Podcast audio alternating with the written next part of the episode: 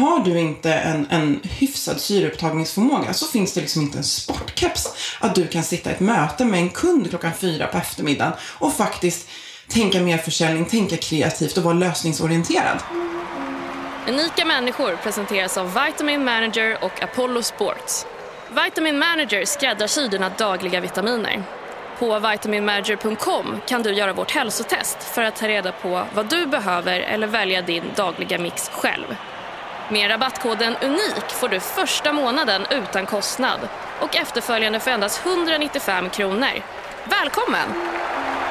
Apollo Sports är Sveriges största arrangör av träningsresor och erbjuder träningshotell för alla intressen och nivåer. Som lyssnare har du nu möjligheten att vinna en resa för två till Apollos resemål Madeira. Gå in på unikamänniskor.com och tävla enkelt. Tack för att du lyssnar. Nu kör vi!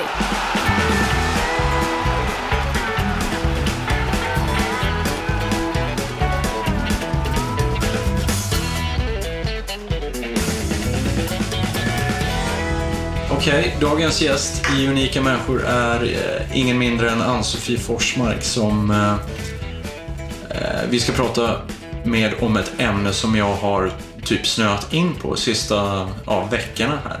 Kul! Eh, välkommen! Tack så mycket! Och ämnet är, och du får rätta mig lite om jag har fel, men jag tänkte vi skulle prata hälsoekonomi.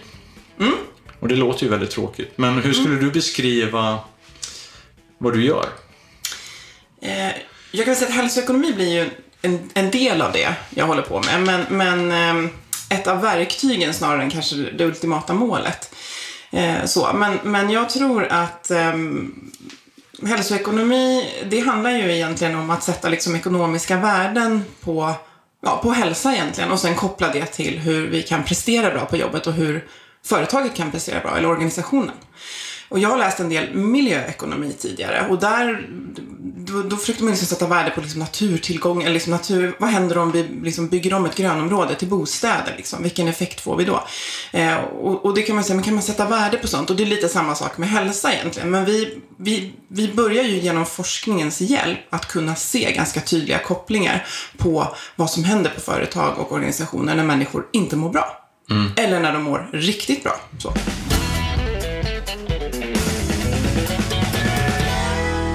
Du bloggar ju på Runners World och vi har mm. träffats någon gång tidigare och sådär. Och mm. Sen började jag lyssna på din podd. Den podden heter Health for Wealth mm. och den gör du tillsammans med journalist Boris Stier. Bo, ja, precis. Mm. Eh, men ni greppar så många intressanta saker i den och jag tänkte vi, vi ska försöka prata lite om de ämnena här mm, när, eh, i den här podden. Mm. Alltså, Ann-Sofie Forsmark, vem är du om vi bara börjar där? Vad... Ja, jag, har, jag, jag tänker alltid att när jag, jag, har ungefär tre olika CVn beroende på vem jag liksom ska prata med. Men jag är som man, de flesta hör född i Stockholm, men eh, jag har inte mina rötter här. Min mamma är från Tornedalen och min pappa är från Värmland. Så jag är en, eh, en lantlolla i, i hjärta och själ på alla det vis. Då. Eh, född och uppvuxen utanför Stockholm då och har alltid hållit på med idrott men haft eh, som ganska många tjejer ganska dåligt självförtroende faktiskt när jag växte upp. Vilket har gjort att jag aldrig riktigt vågat göra det jag egentligen riktigt, riktigt vill. Så. Eh, jag spelar fotboll till exempel och jag hade så ont i magen liksom inför matcherna ofta. För att just den här prestationsångesten så. Eh, sen har jag eh, efter gymnasiet, där jag inte trivdes så bra, så mm, nästan veckan efter så drog jag till, eh, inte England, men till Isle of Man, en liten ö där. Eh, och jobbade på ett hotell där. Och ehm, gjorde illa mitt knä för att jag var ute och rände där bland bergen. Och kom i kontakt med en, en sjukgymnast och som eh, tipsade mig om en utbildning till personlig tränare i London. Och det här var 99, det fanns inte jättemycket utbildningar då eh, inom det. Och Premier Training som de hette då, de var liksom de största. Så jag eh, flyttade till London i januari och så utbildade jag mig till PT och massör. Eh, jag läste även lite så här idrottsskador och nutrition. Och sen fick jag jobb, jag hade sån himla tur att jag fick jobb inom företagsträning, alltså företagsträningsföretag som nu heter Nuffield Proactive Health. Och de driver allt från liksom läkarmottagningar till gym till friskvårdsanläggningar. Så. så jag jobbade ute på ganska stora företag i, i London som personlig tränare. Och fick genom det här företaget vidareutbildning då inom kost och så. Och samtidigt så läste jag till civilekonom. Så att jag gick upp sex på morgonen, tränade, gick till universitetet och sen gick jag och jobbade. Så jobbade jag till halv nio och så åkte jag hem och så såg mina veckor ut i, i två år ungefär. Mm. Eh, och redan där så började jag ju liksom märka att det de här människorna behövde egentligen var ju kanske inte att komma ner och köra SK-iten ur sig då med mig i gymmet, utan det var ju andra saker. De var ju väldigt stressade, det var högpresterande. Så att jag fick med mig det här tänket för det här är ju liksom 15-16 år sedan. Eh, sen har jag varit en tur i Australien, jobbat där, jobbat som massör, jobbat med redovisning i Australien, eh, läst massa andra saker, miljöekonomi, biologi, journalistik och lite allt möjligt. Eh, men jag har en civilekonomisk examen då i grunden. Och sen kom jag hem och bodde i Jämtland och jobbade som ekonomiansvarig, men blev på något sätt ekonomichef, fast jag inte alls var redo för det, för ett eh, väldigt stort hotell i mm. Åre. Och jobbade mig rakt in i väggen. Ren volym. Alltså jag jobbade nästan dygnet runt. Jag hade mm. två skiddagar min första säsong. Så lärde mig där också då vad jag behövde få på plats för att liksom behålla min hälsa.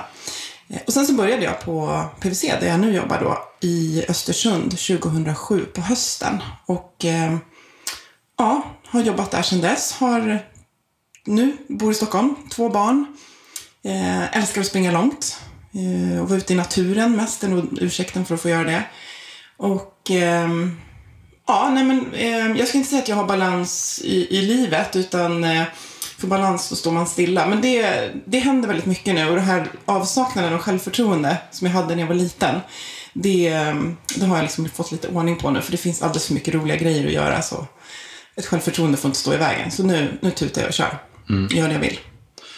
Eh, det här ämnet som vi ska beröra lite idag, det är väldigt stort. Och mm. det som jag tror eh, och som jag tänker att du också tror, och Boel som driver den här podden, att eh, det är ett ämne som kommer i framtiden bara växa och framförallt växa sig in i organisationer. Kan du försöka återge lite om det här ämnet, vad det handlar om? om jag sa hälsoekonomi, men det är ju bara ett... Del, precis. Ja. Nej, men jag tror att det handlar mycket om, om man tittar på hur vi har jobbat förut och vilka utmaningar vi har haft i hur vi mår, så har ju de varit väldigt jag älskar Maslows behovstrappa och det här liksom mm. att vi ska ha de fysiska behoven på plats, så att vi inte blir jagade av en mammut och, och så vidare. Och vi ska liksom kunna betala för vår mat och så. Eh, där är det så att liksom, nu har det gått ett ganska långt tag efter kriget, så att säga. Och mm. vi, har, vi börjar eftersträva mycket mer för att må bra, för vi har det så pass bra, de här basala behoven. Eh, dessutom så har vår arbetsmarknad utvecklats så att de flesta av oss är ju tjänsteutförande. Så. Mm. Eh, mycket fysiska arbeten har ersatts av maskiner. Det här vet alla. Och jag tror att vårt då arbete med att må bra på jobbet, det har inte riktigt hängt med den utveckling som har skett i hur vi jobbar. Nej. Så till exempel om vi levde för hundra år sedan och vi var bönder, så arbetet var hårt, det var fysiskt, men det var otroligt liksom alltså rewarding. Alltså jag var ute och harvade min åker så såg jag exakt hur långt jag hade kommit. Och sen började solen gå ner. Så då var det dags att gå hem. Och så var du helt slut och du sov. Och du hann inte fundera så mycket på liksom, um, om du har tränat tillräckligt för ditt nästa lopp eller sådär. Utan det, du fick ju din fysiska aktivitet och du såg exakt hur långt du hade kommit. Så. Eh, Medan nu så, jag föreläste för, för ett gäng eh, nyexaminerade, eller vad ska man säga, nyanställda revisorer och jag sa så här, det här kommer låta hårt, men ni blir aldrig klara. Ni, kommer aldrig, ni blir aldrig klara med ert jobb, för att det tar aldrig slut. Du kommer alltid ha, som en metafor, tio flikar uppe på skärmen när du går hem. Du blir mm. aldrig klar. Du levererar någonting som är väldigt abstrakt. Eh, och vårt största verktyg och viktigaste verktyg, det är vår hjärna.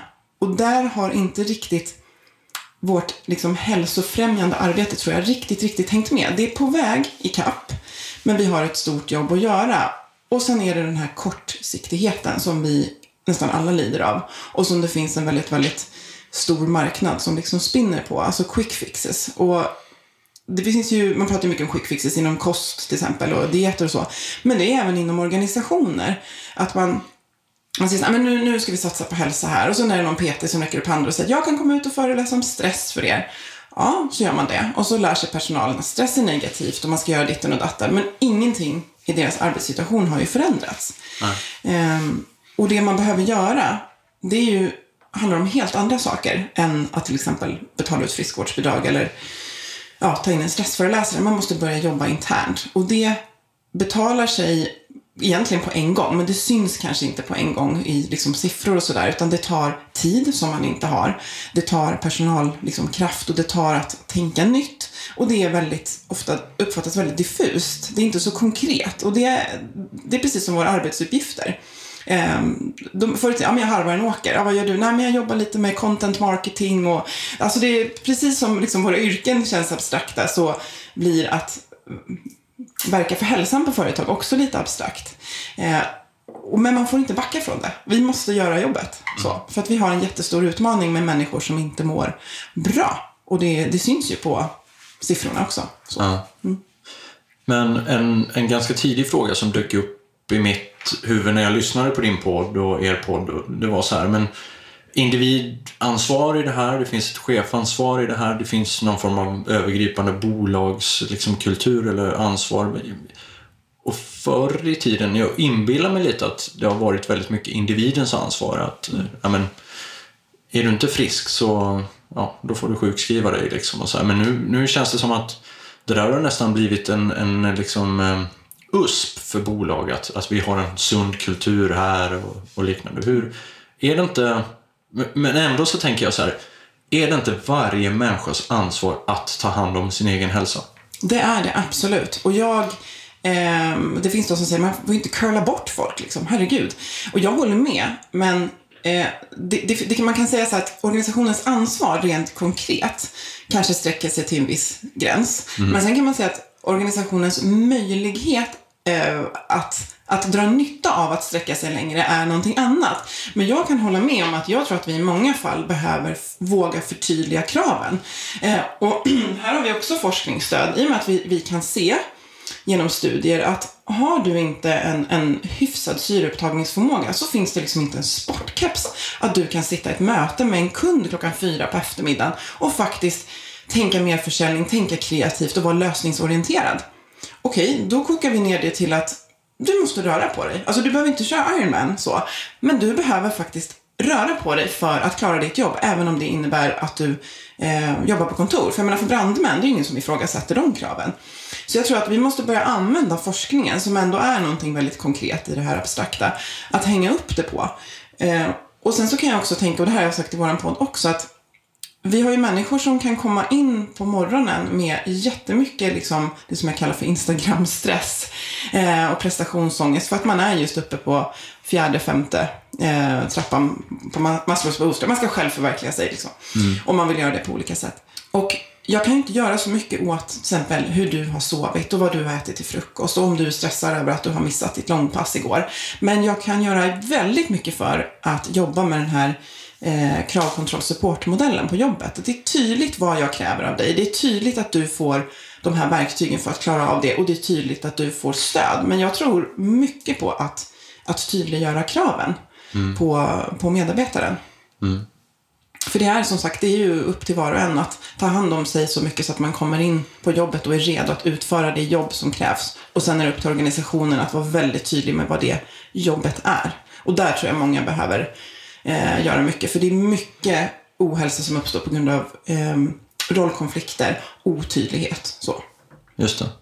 I den här podden så pratar du, ni pratar lite om det här Fab Five. Eh, jag vet inte om det var på din blogg eller om det var på, i podden, men eh, kan du berätta lite om de här Fab Five och vad det är? Det här är världspremiär för Fab Five måste jag säga, för jag tror att jag nämnde det till dig kanske innan. Eh, och det här är något som jag sitter och klurar på. Det är en modell för att Eh, för, att liksom, och för att greppa det här abstrakta. Men var ska vi börja då? Om vi liksom inte bara ska slänga in en, en, en friskvårdssatsning.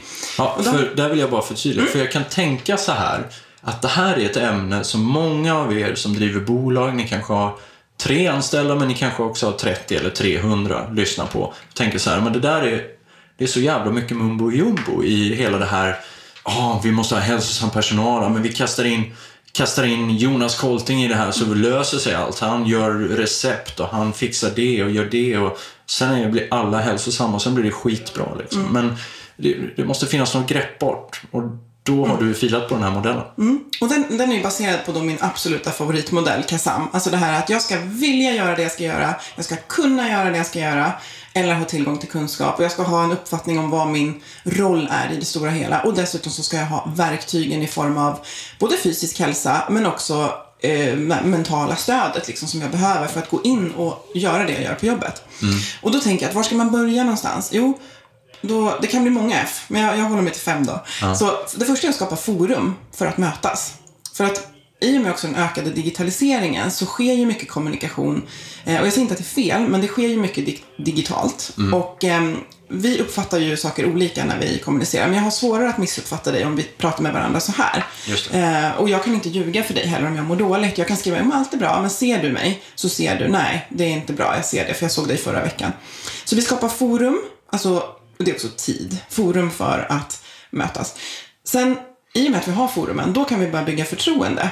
Och det handlar om att om du är min chef så ska du bygga förtroende för mig och jag ska bygga förtroende för dig.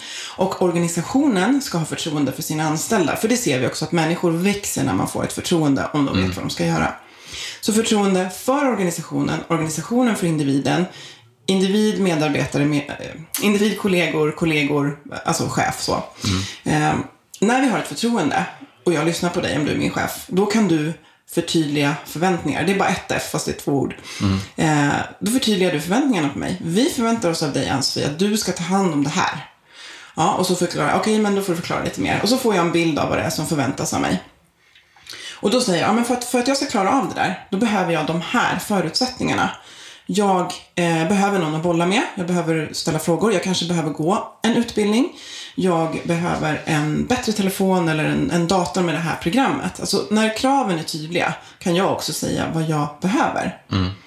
Eh, och när vi har kommit så långt, då har jag, jag har inte riktigt bestämt vilka, vilket F jag ska använda. Eh, jag har sagt friskvård här, för jag tycker att friskvård är viktigt i och med att vi börjar koppla på det här att vi behöver en fysisk hälsa för att faktiskt leverera även på ett eh, klassiskt kontorsjobb. Så vi behöver friskvård därför att vi lever i ett samhälle, här, alltså parentes, de här air, airboards, heter det? Så inte bara nu så sitter folk ner mycket, nu åker kidsen runt på airboards istället för att liksom röra sig. Så att vi har ju ett samhälle som bara liksom fostrar oss till stillasittande, även om det börjar hända grejer. Men det andra F som jag har funderat på kanske är lite bättre, det är faktiskt facilitering. Alltså att om vi nu vet att vi behöver mötas, vi behöver skapa förtroende, vi behöver förtydliga förväntningar och vi behöver ge förutsättningar. Då ska vi ju facilitera det med hur vi jobbar. Alltså hur många möten har vi? När ses vi? Hur ses vi? Eh, hur kommunicerar vi? Alltså facilitera och möjliggöra det här. Och i det kan man ju faktiskt baka in att om jag vill att du ska leverera till den här kunden klockan fyra eftermiddag, då vet jag att det är bra om du har käkat en bra lunch. Eh, och jag vet att det är bra om du dessutom har varit ute och rört på dig så att du har liksom syresatt dina hjärnceller ordentligt. Men den känns lite långt ifrån friskvård i och för sig. De, Den, ligger, ja, de ligger liksom... eh, Ja. Det kanske blir sex. Kan, ja, jag vet. Och det usch, gillar inte folk. Det ska vara tre eller fem liksom. Men, ja, men du förstår, men det är just för att, just för var ska man börja? Då blir det ganska tydligt. Vilka forum möts vi? Möts vi? Hur möts vi? Eh, och, och har vi ett förtroende? För har jag inte förtroende för min organisation så spelar det ingen roll vad den har för vackert mål och vision. För att jag, jag köper inte in. Då kanske jag bara går till jobbet för att liksom, jag, blir, jag blir kortsiktig liksom. Jag kanske är lite naiv i det här, men eh, finns det bolag som är duktiga på det här? Som jobbar på det här sättet med tydliga strukturerade modeller? Det gör det. Och vår, jag tror att vår andra utmaning som vi har i samhället, det är att mycket av det som är hälsofrämjande, det heter inte hälsa. Däremot så heter mycket, mycket saker som heter hälsa är aktiviteter och produkter som man kan liksom plocka på sig. Ehm, men ehm, det finns eh, HR-chefen på jag träffade HR-chefen på OF för ett tag sedan. Och hon sa att Nej, men vi, vi mår bra, vi tar hand om varandra. Och nu vet inte jag om, nu var det här flera år sedan, och jag gissar att det fortfarande gäller. Och så vi pratar inte så mycket om hälsa. Och ibland tror jag att vi behöver hjälp, en liten ficklampa som går och lyser på och säger det här med att vi har eh, utvecklingssamtal, med att vi har de här mötena. Det här är faktiskt något som vi på det här företaget ser som en hälsofaktor. För att när folk har lite bråttom så heter ju inte de sakerna hälsa, utan då är det ju friskvårdssatsningen som heter hälsa. Men att vi faktiskt pratar om vad är det som får oss att må bra och prestera på jobbet. Och då tror jag att det kanske inte är de mest eh, alltså de mest uppenbara företagen som frontar på sina hemsidor med sina träningssatsningar och eh, att alla åker Vasaloppet. Det kanske inte är dem, utan det kanske är företag som liksom eh, inte verkar i det tysta på något sätt. Lite som att kanske en av de mest hälsosamma människorna, det är de som har en kolonilott och går ut med sin hund. Inte den som kanske har kört 10 Ironman på ett år. Men mm. ja, vem är det man vänder sig till för? Du som är så hälsosam. Så, mm. så eh, jag tror absolut att det finns. Eh, och om man pratar lite i det här om, om vi pratar lite om individansvar och sen chefsansvar och det känns som att en, en och sen där någonstans taket över det är någon slags kultur i ett bolag. Och det där med att vara chef och kunna se individen och att faktiskt kunna eh, ta sig tid pratar ni väldigt mycket om, att vara chef. Och sen att också ha en sund företagskultur. Hur gör man det? Ja, det är ju sånt där som också inte går att liksom skriva policy, utan det handlar ju om att liksom leva sina värderingar och faktiskt låta dem genomsyra alltså hela verksamheten. Men jag tror fortfarande att det kommer tillbaka till den här älskade Kasam-modellen. att, Berätta har... lite om Kasam, för ja, vi har inte gått igenom Nej, Kasam. precis. Utan det är en, det är en modell då som, som handlar om meningsfullhet, eh, kunskap och hanterbarhet. Man kan säga att det är vilja, kunna och klara av. Mm. Så att om vi har ett vilja med företaget eller organisationen. Eh, så, jag säger ofta företaget, men jag, vill, jag menar verkligen organisationer i det stora hela. Mm. Eh, vad är vårt liksom, syfte? Varför finns vi till? Och hur tricklar det ner till dig som individ? Vad är din del i det? Det ska vara väldigt, väldigt tydligt. Eh, och sen så måste jag då veta vad jag ska göra och vad mitt sammanhang är i det här företaget. Vad är det som krävs av mig? Och vad har jag för, då hantera blir, vad har jag för, eh, vad behöver jag för verktyg och stöd för att klara av det? Och jag tror att mycket, mycket handlar om att, att liksom jobba med det. Alltså mm. den modellen. Sen kan man byta ut orden och man kan fokusera på ett av de här hörnen åt gången. Men eh, jag tror att en, en väldigt ärlig organisation också. Alltså inte ljuga för folk som kommer in vad det är de kommer att få jobba med och eh, hur, att de kommer vara liksom, här kan du gå hem liksom klockan fem varje dag. Om det inte är så. För vissa leveransmodeller bygger på att folk liksom jobbar över ibland. Men det ska finnas en möjlighet till balans. Så att, eh, delaktighet. Eh, Jo, och sen är det så att de här nya föreskrifterna från Arbetsmiljöverket, de stöttar verkligen i det här. För att de talar om just att medarbetare ska få vara delaktiga. Man ska ha ett tydligt mål för organisationen. Eh, och medarbetare ska få vara med och, och, liksom sätta det och påverka. Och då får vi ju en organisation där alla har varit med och satt de här målen. Och det låter ju kanske utopiskt om man tänker att man har en jättestor organisation. Men alla organisationer består ju av enheter och då får man jobba mm. med den frågan i mindre delar. Eh, men det här är sånt där jobb som klassiskt sker till exempel på konferenser en gång per år, blir vackra dokument och sen går man tillbaks till en vardag där det sitter någonting annat i väggarna. Och då tror jag att man faktiskt måste ge ledarskapet eh, verktyg och kraft att kanske gå och ta kulturen liksom i hampan och ta tillbaka den mm. och säga att Ja, vi säger att ni inte behöver svara på mejl efter klockan fem, så. Men alla mejlar ändå. Okej, okay, då kanske vi måste gå in och styra. Vi kanske måste göra det, mm. fast inte det passar. Vi kanske måste gå in och liksom använda ledarskapet till att ta tillbaka mot en kultur som vi vill ha. Det är ändå det som liksom ledarskapet ska vara till för, liksom, och, och styra mot målet. Mm. Men kultur är svårt.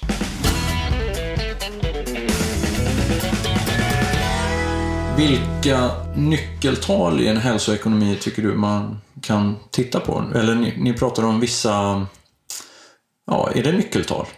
Eller pratar man om, om begrepp? Eh, typ så här, eh, antal sjukdagar eller, ja.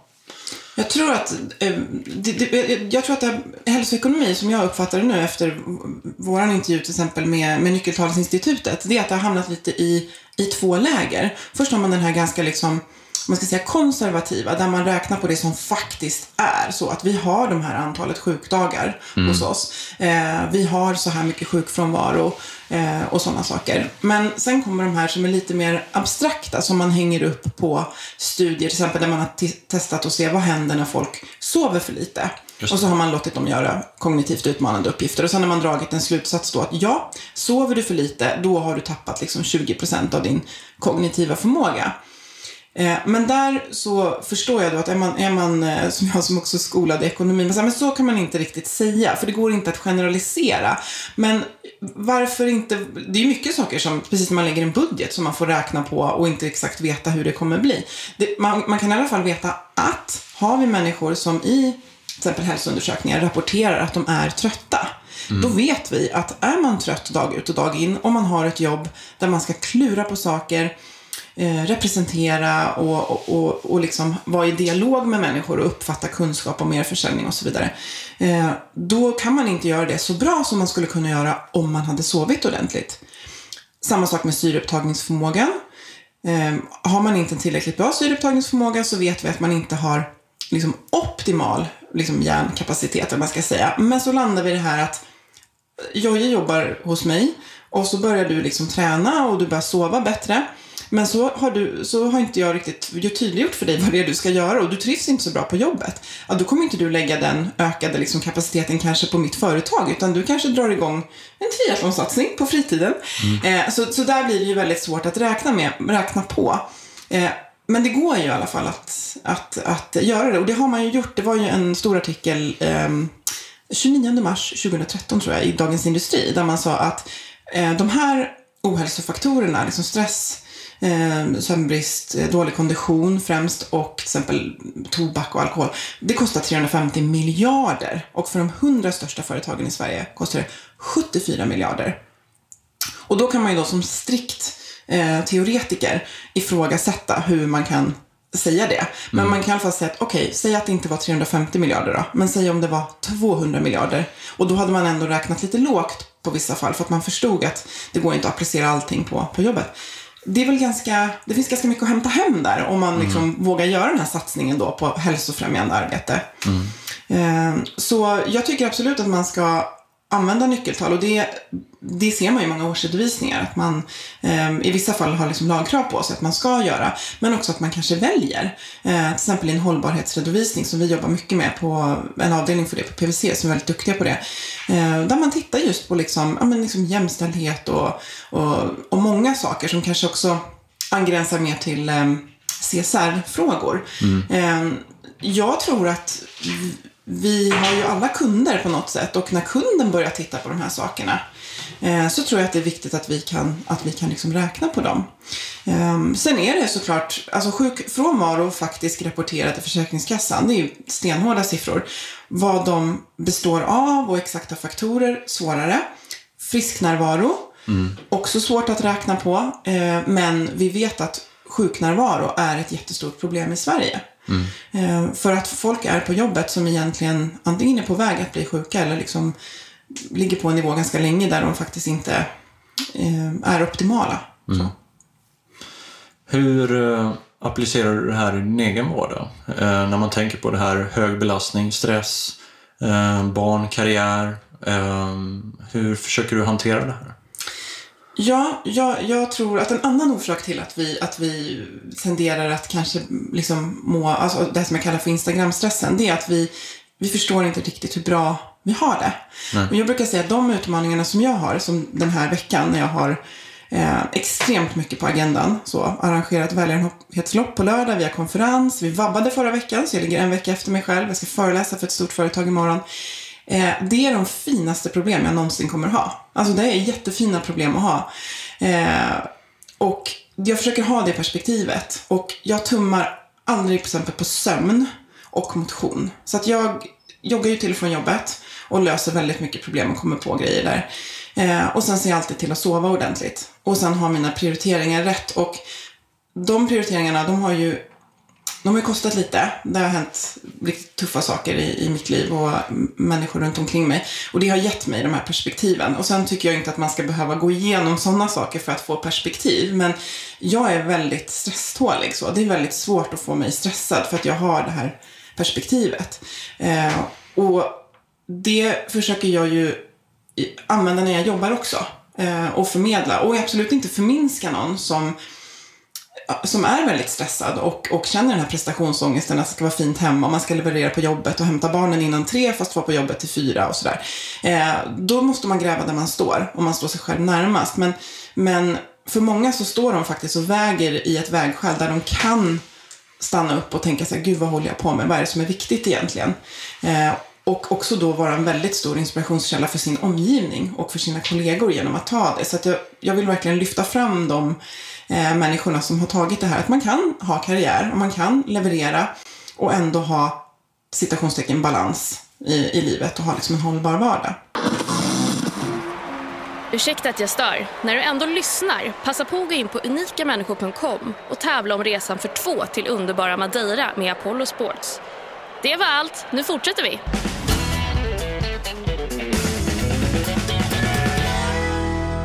Jag tänker så här, Sverige är ett ganska långt land och vi, ehm, eh, vissa platser i Sverige är ju ganska öde men har kanske stora fabriker eller stora industrier eller stora kontor. Eh, sådär. Finns det bevis eller studier på att det är bättre att bo och leva och göra karriär någon annanstans än i de här storstäderna? Oj, ja, det vore verkligen intressant. Inte som jag själv har läst, men det är klart att det präglas av, man präglas ju såklart av den miljön man bor i. Eh, jag brukar kalla den här stan som vi är i nu för Tokholm. För att här, jag har ju bott i Östersund, jag vet inte om du också har bott i liksom mindre städer, men eh, det är ju en helt annat tempo här. Eh, och liksom det är en annan en vibe, tycker jag, när man, mm. är, när man är ute. Eh, Sen är den ofta väldigt, väldigt positiv tycker jag. Väldigt kreativ och så. Men det känns som att ja, men det här är en stad som aldrig sover. Mm. Ehm, kanske inte jämfört med New York, men... Eh, men vi pratar jämfört... om Stockholm, ja, precis, vi pratar, inte Stockholm. om... Nej. men, men jämfört med andra städer. Men eh, om du tänker det här klassiska, kanske bruksorts... Eh, samhället eller liksom ett stort företag? Ja, jag vet faktiskt inte riktigt. Jag tror ju att, eller man vet ju att människor som är mycket i naturen generellt mår bättre. Så det tror jag att vi, mm. eh, vi alla behöver. Och, och ja, många som, som jag liksom, här i Stockholm, så fort man får ledig stund så är det inte in till stan man åker utan man drar ju liksom åt andra hållet och mm, mm. Eh, vill åt naturen. Och nat naturen helar ju verkligen, så är det ju. Eh, det var lite det jag ville komma till och just det här att jag brukar säga så här att eh, stan är katabol och, och naturen är anabol. Ja, bra uttryck. Ja. Att man verkligen ja. eh, hittar sig själv i naturen på ett sätt. Och vi pratade i en annan podcast med Mark Allen som ni kan lyssna på här sen ja. också, eh, om det här hur, hur man connectar med naturen. Att man egentligen känner sig väldigt connected när man är i naturen. Eller ligger i ett vatten, kallt vatten mm. eller Ja, och att man ofta söker sig dit när man är ledig eller har en mm. stund och reflekterar. Då kanske man sätter sig på en sten eller en parkbänk i parken och så vidare. Mm. Det är naturen. Mm. Eh, och då knyter jag an lite till det här med kontorsmiljöer. Att man sitter väldigt mycket i kontorsmiljöer och tror du att moderna människan idag, skapar man, är, är jobbet en faktor till ohälsa hos, i vårt sätt att leva idag? Det kan den absolut vara. Jag menar, om man bara tänker utifrån stillasittande.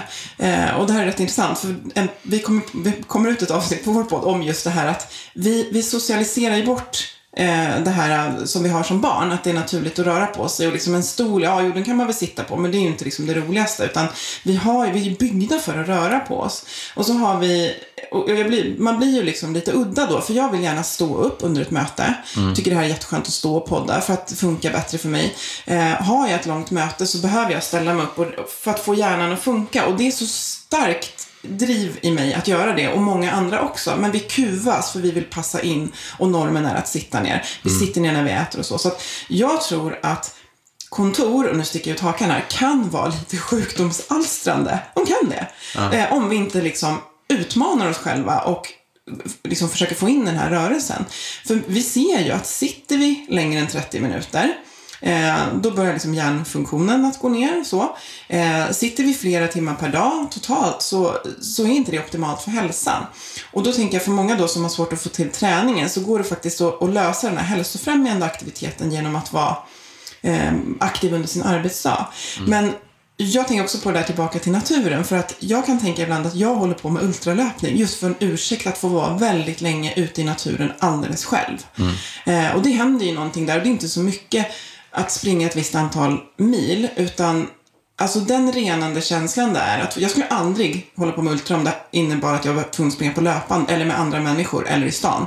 För mig handlar det om att komma ut själv i naturen eh, och springa. Och problemet med det, ur ett kommersiellt perspektiv, det är att om alla skulle börja med det istället för att träna på gym, köpa mindfulness-appar, börja med yoga, ja, det är ju ingen som tjänar på det. Så, Nej. så, att, så att det finns ju väldigt få företag som liksom kan kapitalisera på det. Och det tycker jag man ska tänka på att vi lägger så hemskt gärna till aktiviteter som har en hälsostämpel. Men vi lägger inte till den hälsosamma ansatsen i det. Vi gör yoga för vi hör att det är hälsosamt, men vi gör det liksom mellan stress och press. Eh, vi laddar ner en app som vi klämmer in och gör mind- andningsövningar, vilket är jättebra. Men det är viktigare med ansatsen än vad vi faktiskt gör. Och det är ju ingen som, ja, vad jag vet, ångrar att man tar sig ut i naturen. Och jag ser på mina egna barn, min äldsta tjej, hon, hon är väldigt så aktiv och överallt. Och när hon kommer ut i naturen så blir hon en helt annan person. Eh, och det ser så naturligt ut. Så att, eh, kan vi få in naturen och få in delar av det under vår arbetsdag så tror jag också att folk skulle må mycket bättre. Men det är lite svårt. Nu står vi nära Humlegården här och det är i och för sig ganska grönt. Men eh, kontorslandskap i sig, frågan är hur liksom hur, hur liksom kreativ blir man och hur, hur hälsofrämjande är det egentligen så? Eh, det behövs nog tänkas om där. Eh, jag tänker bara några så korta mm, konkreta tips man kan ge en eh, organisation eller arbetsplats. Här. Ja, vi, ni pratar ju lite om det, om det här 15 minuters möten istället för liksom eh, har du flera sådana saker? Men jag tror mycket så här, revidera möten, revidera vad vi använder vår tid till. Eh, definiera hälsa. Lyfta fram de här människorna som eh, vardagsmotionerar. Lite som lite mer hjältar. Än att man alltid säger, ja men du som springer så mycket och sådär. För det är ju inte ofta de som är hälsosammast så. Eh, och, eh, men mycket prata med varandra. Alltså så här, låta folk komma till tal om vad de faktiskt behöver. Eh, för det skickar också en signal om att vi vill att du ska lyssna inåt och säga att Nej, men jag behöver komma ut på lunchen och gå eller eh, jag behöver liksom en, en ståskrivbord eller eh, det här mötet tycker jag att vi tar gående för jag behöver röra på mig. Att vi liksom skapar eh, möjligheter för människor att komma till tals med vad de behöver. Men det mest konkreta jag skulle kunna ge det är att alla ska sätta hållbarhetsmål. Eh, organisationen och individen och, och gruppen. Alltså vad behöver jag för hållbarhetsmål för att kunna leverera mot företagets mål? Och sen tricklar det över på, på fritiden också. Men ehm, det, det har faktiskt några hos oss gjort. Alltså satt upp ett hållbarhetsmål. För en avdelning eller för hela... För sig själv. För sig själv? Ja, för sig Okej. själv. Liksom att, gud, jag har satt de här jättetuffa målen. Ganska högt uppsatt eh, eh, partner hos oss. Eh, inte högt uppsatt partner, men han är partner. Och han har satt ett hållbarhetsmål, eh, tre stycken, som, som han försöker leva efter för att liksom, hålla på jobbet och leverera. Och det kan vara allt från att ah, men jag ska inte svara på mejl efter klockan fem eller Ja. Jag ska alltid eh, gå en timme eh, liksom, på Ja. lunchen på onsdagar. Eller, Ja, jag typ. ska liksom stänga ner allting halv tio och gå och lägga mig Ja. i tid. Liksom. Det kan vara så enkla. Det kan, ju, det kan ju vara aktiviteter, men ansatsen är då att jag försöker vara hälsosam. Inte bara att beta av. Ja, men jag har varit på yogan den här veckan. Okej, Ja. Mm. men hur mår du? Liksom? Var det det du behövde? Så, eh, så det, det tycker jag alla, alla har ett ansvar inför sig själva att liksom sätta sina hållbarhetsmål eh, och vara tydliga mot sin organisation med vad de behöver för att, för att leverera mot, ja, mot övergripande målet på jobbet.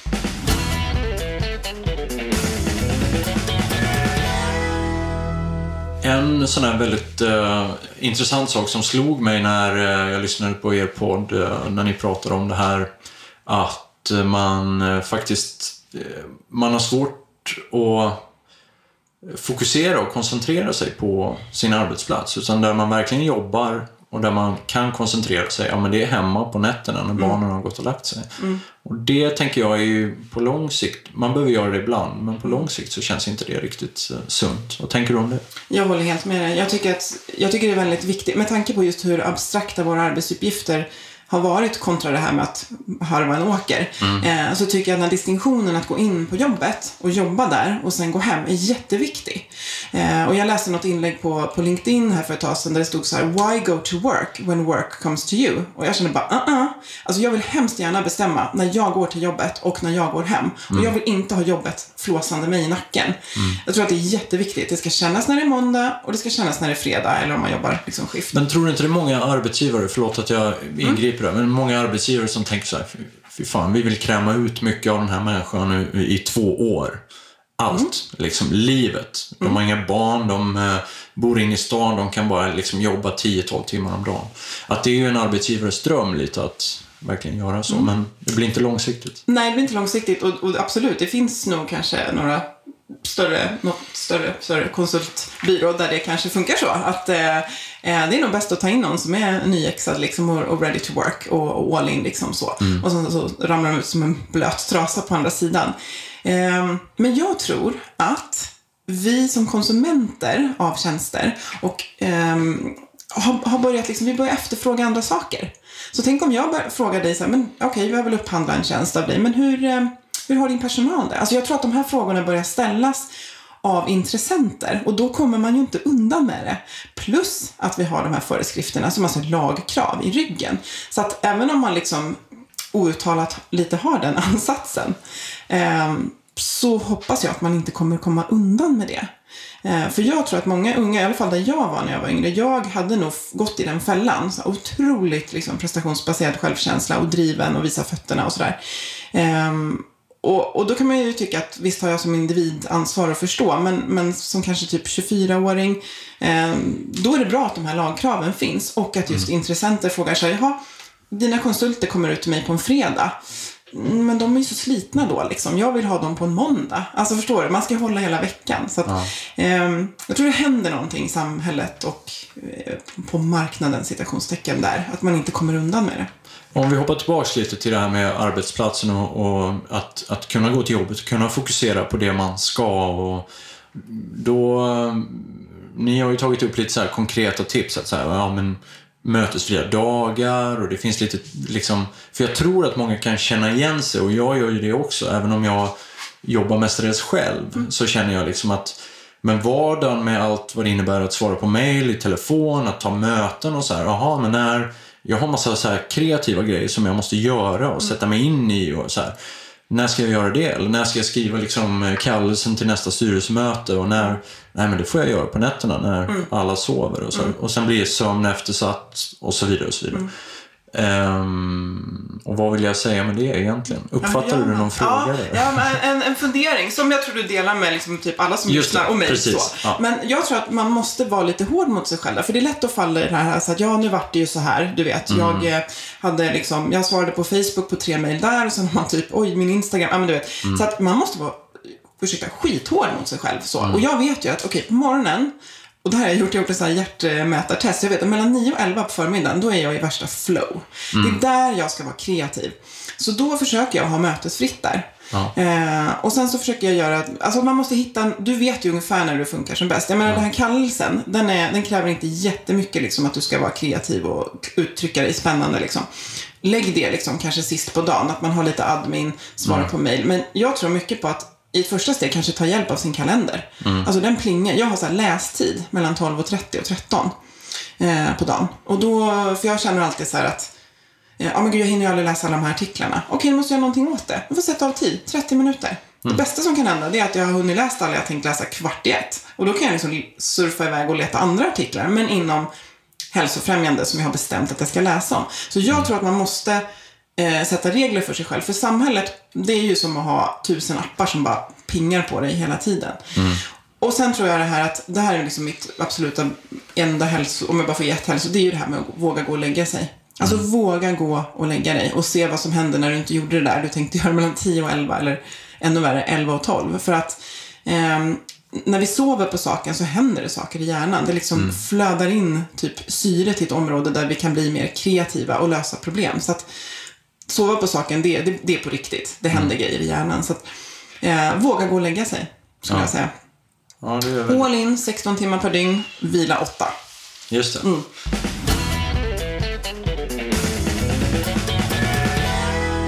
Om vi återgår till det här med att harva en åker eller Mm. liksom ehm, ja, hugga, hugga Ja. träd, jobba på löpande bandet och så här. Det väl ganska konkret och man Mm. är klar och man så här, ja men nu går solen ner, nu måste jag gå in och Mm. äta och så här. Det här samhället och det vi lever i och gör idag, det Mm. är något helt annat. Ehm, och då kanske det krävs, som du säger, lite struktur och, och modeller för hur det här ska funka. Vad tänker du om det? Nej, men jag, jag tror det. Jag brukar säga betongfundament liksom, som man ska förhålla sig till, för att de finns inte. Utan eh, samhället är... Eh, jag jobbar mycket upp med en psykolog som heter Fredrik Bengtsson. Han säger vi är ett sjukdomsalstrande samhälle. Och det låter ju inte så glamoröst och kul.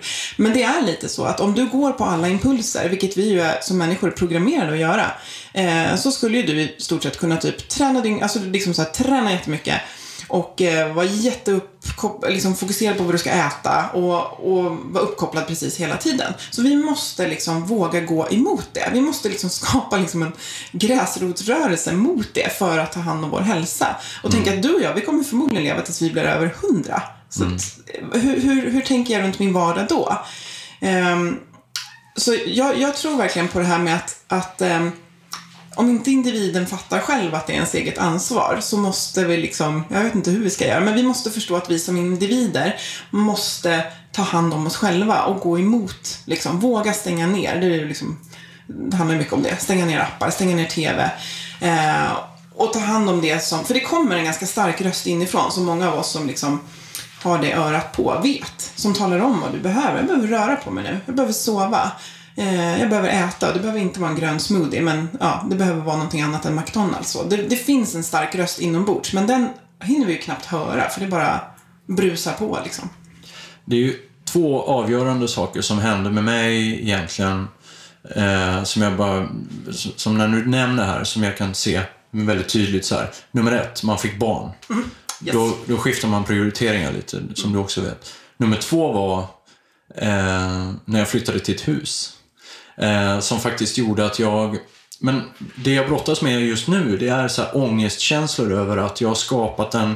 Jag har skapat ett fundament som är av så mycket saker som jag mm. gör. Och bolag man driver och eh, allt det här. Så ibland när jag vill bara ha, och Mark Allen pratar väldigt mycket om det här quiet mind. Liksom att man så här, okej, okay, nu lugnar vi ner oss lite. Nu mm. gör vi bara det som jag känner för. Mm. Jag tar en promenad eller jag sätter mig i skogen och mm. dricker lite kaffe eller mm. tar, liksom, hoppar studsmatta med min son. Eller så här. Mm. Men att man känner så här, fan det är, bara, det är så mycket andra saker som jag, jag måste göra och, och det spinner ju då på det här att jag har ju skitmycket att göra. Jag kan inte, jag kan inte sitta här och ta det lugnt. Liksom. Jag, jag, jag förtjänar inte det här. Det här är för bra. Liksom.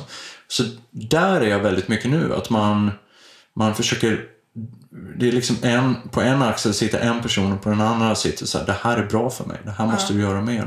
Känner du igen dig? Ja, eh, Luther brukar jag säga. Så här, jag har, vi har väl båda sparkat Jante liksom ut genom mm. fönstret, men vi har Luther med oss. Alltså, vem är du att hoppa studsmatta när du har mm. alla de här grejerna? För jag är ju precis likadan. Blir aldrig klar. Det blir aldrig igen. Det skulle alltid kunna göras lite mer och bli lite bättre. Mm. Eh, och det där är en jätte, jättefight att förstå sina drivkrafter. Alltså vad är det som driver mig? Vem är det som driver mig att eh, för det låter som att alla saker du har valt in, det är inget som du vill inte välja bort huset och inte bolaget och alla de här grejerna. Och det tycker inte jag man behöver göra heller. Jag, jag får ofta säga, men du, har, du gör för mycket. Nej, men jag vill inte ta bort något. Eh, men att förstå att man kan inte liksom leverera på alla fronter på samma sätt. Och ibland så tänker jag att vi som håller på med, med idrott, eh, liksom, att, att det är ganska lätt att koppla det till just det. Att vi liksom, ja men vi kör våra intervaller och sen är det vilodag liksom. Mm. Eh, för att, men, men, jag tror att mycket, man behöver få den här acceptansen. Att jag kommer aldrig bli klar, inte med huset, never. Liksom. Eh, och bolaget kommer alltid gå och göra lite mer. Eh, och så. Och sen det här liksom, när man är förälder, det här liksom som jag har försökt göra med mamma, med ständigt dåliga samvetet att man inte är liksom, ja. ja, spelar ingen roll hur tidigt man hämtar, man känner ändå så här, gud, jag är inte tillräckligt mycket med mina barn så. Eh, och förstå att så här kommer det nog att vara. Alltså jag tror den här acceptansen. Och, eh, och jobba jättemycket med det. Vad är mina drivkrafter? Och så tänka så här, kommer jag någonsin bli nöjd? Alltså även om du jobbade dygnet runt, Nej, du kommer ju ändå aldrig bli klar. Nej. Så då är det lika bra att bryta nu. Liksom. Mm. Eh, och, och så, så kör jag mycket på fredagar när jag går från jobbet. Och man hade en to-do-lista som var tio saker. Och så går man hem med en som är 20 med helt andra grejer. Bara, what? Alltså jag blir aldrig klar. Men så får jag tänka så här, men tänk på allt jag har gjort. Men jag har gjort det här och det här och det här och det här. Och nu måste jag gå hem och göra ingenting för att på måndag liksom, då, då kommer jag köra igång igen. Så att, men det är ju ett arbete som kräver tid, det kräver reflektion eh, och att liksom vara i sig själv. Och det där tror jag att vi behöver ta mer tid till, liksom, mm. som individer, att reflektera. Och fundera på liksom, vad kräver jag av mig själv och vad skulle jag kräva av någon annan? Det är aldrig ens hälften så lika mycket som man lägger på sig själv som individ. Och vi är ju liksom det är många av oss som drivs av liksom att prestera. Och det är, det är det som gör att vi startar bolag, köper hus och, och, och, kommer så långt. Men vi måste också vila för att kunna sen gasa på i nästa match. Lite så. Det är ju slående hur, hur mycket man tänker på hur meningslöst allt är.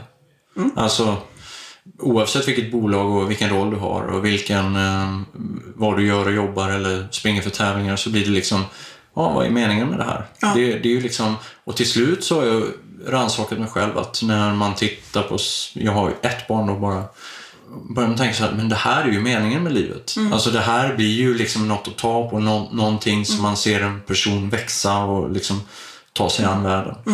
Ehm, men det var inte det jag skulle säga, utan det jag skulle säga var så här, eh, trädgårdsarbete har funkat väldigt bra för mig. Det är grymt. Där blir jag klar med något. Oh yeah. Jag Ja. blir klar med ett land, så här, inrutat och klart och sen känner jag så här, oh, vad skönt, jag går och tvättar mig, sen sätter jag mig och vilar. Ja, det är så frigörande. Vi har skaffat kolonilott och det är samma sak, den här känslan. Liksom. Ja, men då är vi tillbaka lite i det här att, att göra något konkret, något Ja. man blir klar med. Eh, datorerna har ju kanske inte hjälpt oss där. Nej, och jag tror att många, jag, jag har hört andra som har sagt så här, det är så skönt att, att vara ute i trädgården. För att jag just ser exakt vad jag har gjort. Och vi, ehm, om vi känner att det inte, om vi inte har ett trädgårdsland, så, då måste vi, och vi bara har datorn, eller vi har bara sådana strukturer och arbetsuppgifter och, eller vanor där vi liksom känner att, vad har jag gjort egentligen? Då, då handlar det också om att stanna upp och reflektera. Men jag har faktiskt gjort klart det här. Och det här, även om det känns abstrakt, även om den processen handlade om att skriva ett dokument och skicka tio e-mail, så har jag, jag får ringa in det för mig själv och säga att nu är det klart och nu släpper jag det. Eh, och och den, ta den lilla tiden. Det är samma som jag säger till alla som börjar träna. Att du ska liksom, istället för att bara träna klart och så springa vidare, stanna upp och liksom eh, ge dig själv cred för det. För det landar ju i kroppen som en god känsla som gör att du lättare tar ut nästa gång. Men vi glömmer det här att bekräfta oss själva och det vi gör. Eh, så jag tror att vi måste skapa, liksom, ringa in saker som vi har gjort och, bock, och få känna att vi bockar av. För då har vi den känslan med oss. Ehm, men det är sant. Eh, och alla de här sakerna som du sa menings, känns meningslösa. Det är ju de sakerna som vi gör när vi har det så pass bra att vi vill själv förverkliga oss. Och det är väldigt konkret om jag inte har mat och skaffa mat. Alltså det är, det är både fysiskt liksom reassuring och, och mentalt. Men när vi är där uppe att så här, du har, som våra barn som växer upp, så här, du, du kan göra precis vad du vill. Du har världen för dina fötter.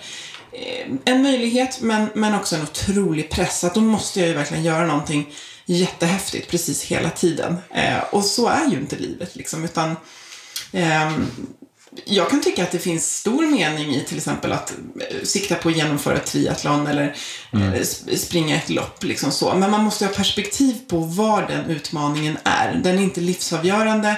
Det är en utmaning som jag har därför att jag har det tillräckligt bra. Eh, att, att satsa på det här och förstå det när det tar emot att sticka ut och träna eller när jag inte hann träna. Så det får aldrig bli så viktigt att det liksom börjar rubba min liksom, värde av mig själv. För så, så viktigt får det inte bli. Men det är där många, tror jag, hamnar. Att det, det är liksom, ja, vem är jag om jag inte springer? Ja, en riktigt bra jäkla person förhoppningsvis. Liksom. Löpningen är ett plus för de flesta. Men kan det inte ha blivit så att eh, många identifierar sig eller kanske hänger sig fast vid att de äntligen har hittat en identitet i, i idrott eller i... Man brukar prata om proffsatleter som lägger av och Mm. inte hittar sig själv eller vet inte vilka de är. Ingen utbildning, inget jobb, många av dem, inget sammanhang. Nej, men- många av dem har ju verkligen haft det som det har ju varit deras jobb. Men jag tänker på de här weekend warriors, liksom, Ja, som, ja, men som, man, som jag själv skulle kunna tillhöra, men jag får liksom kämpa med perspektivet liksom att ja, men jag tränar för att springa liksom 16 mil. Och hur, hur ska jag liksom hinna med det i min vardag? Det får inte bli så att jag känner mig som, en, som ett misslyckande när jag inte hinner med det. Därför att jag har andra prioriteringar som kommer före.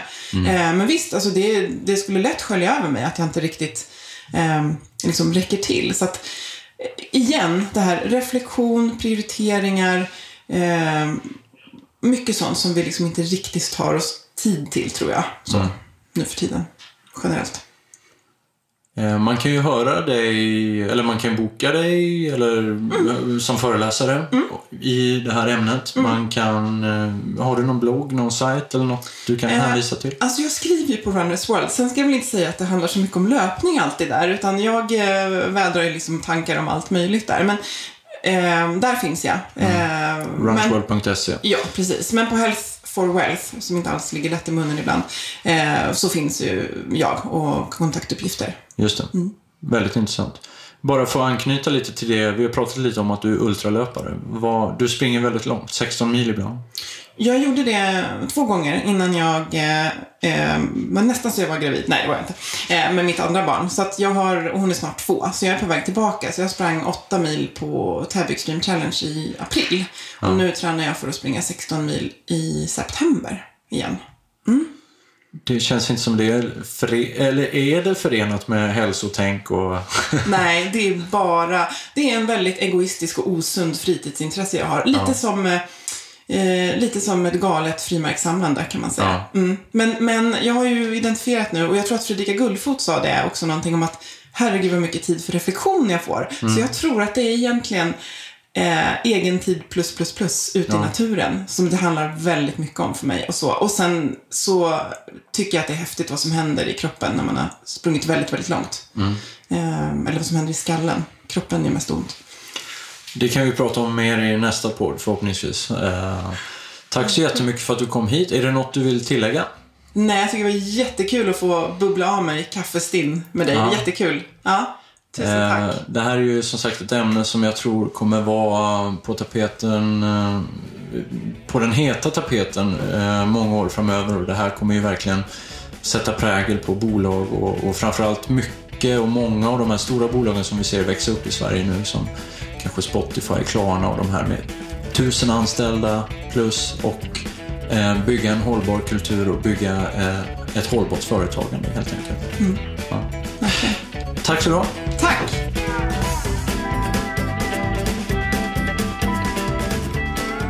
har lyssnat på Unika människor med Jojje Borssén i samarbete med Vitamin Manager och Apollo Sports. Tack till producenten Jonas Sjöberg och produktionsbolaget A1 Produktion.